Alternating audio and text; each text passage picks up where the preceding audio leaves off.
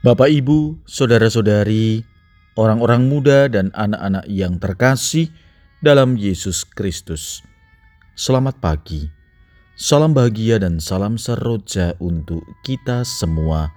Berkah dalam bersama dengan saya, Romo Antonius Garbito Pambuaji, menyampaikan salam dan berkat Allah yang Maha Kuasa dalam nama Bapa dan Putra dan Roh Kudus. Amin.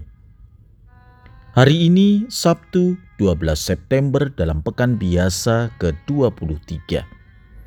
Bacaan pertama dalam liturgi hari ini diambil dari surat pertama Rasul Paulus kepada jemaat di Korintus, bab 10 ayat 14 sampai dengan 22a. Bacaan Injil diambil dari Injil Lukas bab 6 ayat 43 sampai dengan 49. Yesus menyampaikan wejangan ini kepada murid-muridnya. Tidak ada pohon baik yang menghasilkan buah yang tidak baik, dan tidak ada pula pohon tidak baik yang menghasilkan buah baik. Sebab setiap pohon dikenal dari buahnya. Karena dari semak duri orang tidak memetik buah ara, dan dari duri-duri orang tidak memetik buah anggur. Orang yang baik mengeluarkan barang yang baik dari perbendaharaan hatinya yang baik. Tetapi orang jahat mengeluarkan barang yang jahat dari perbendaharaan hatinya yang jahat. Sebab yang diucapkan mulut meluap dari hati. Mengapa kalian berseru kepadaku Tuhan, Tuhan, padahal kalian tidak melakukan apa yang kukatakan? Setiap orang yang datang kepadaku dan mendengarkan sabdaku serta melakukannya, Aku menyatakan dengan siapa ia dapat disamakan.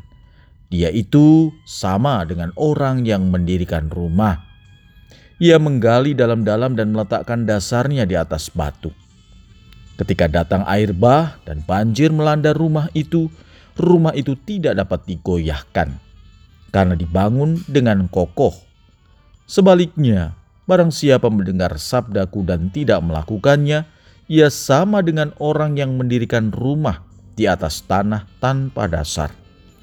Ketika dilanda banjir, rumah itu segera roboh dan hebatlah kerusakannya.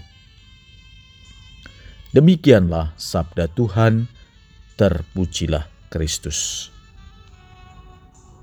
Saudara-saudari yang terkasih dalam Yesus Kristus, Sabda Tuhan hari ini terdiri dari dua bagian yang merupakan satu kesatuan yang inspiratif untuk kita renungkan. Tentang pohon dan buahnya dan tentang dua macam dasar. Pertama, tentang pohon dan buahnya. Di sini Yesus menginginkan adanya konsistensi dalam hidup kita.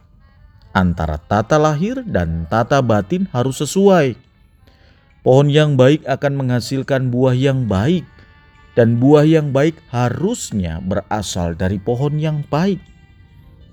Begitupun dalam kehidupan beriman kita, harus ada konsistensi antara kata dan tindakan nyata. Kedua, menyambung dengan permenungan pertama, pertanyaan refleksi untuk kita. Bagaimana agar kita menghasilkan buah yang baik? adalah dengan mendasarkan hidup kita pada sabda dan kehendak Tuhan.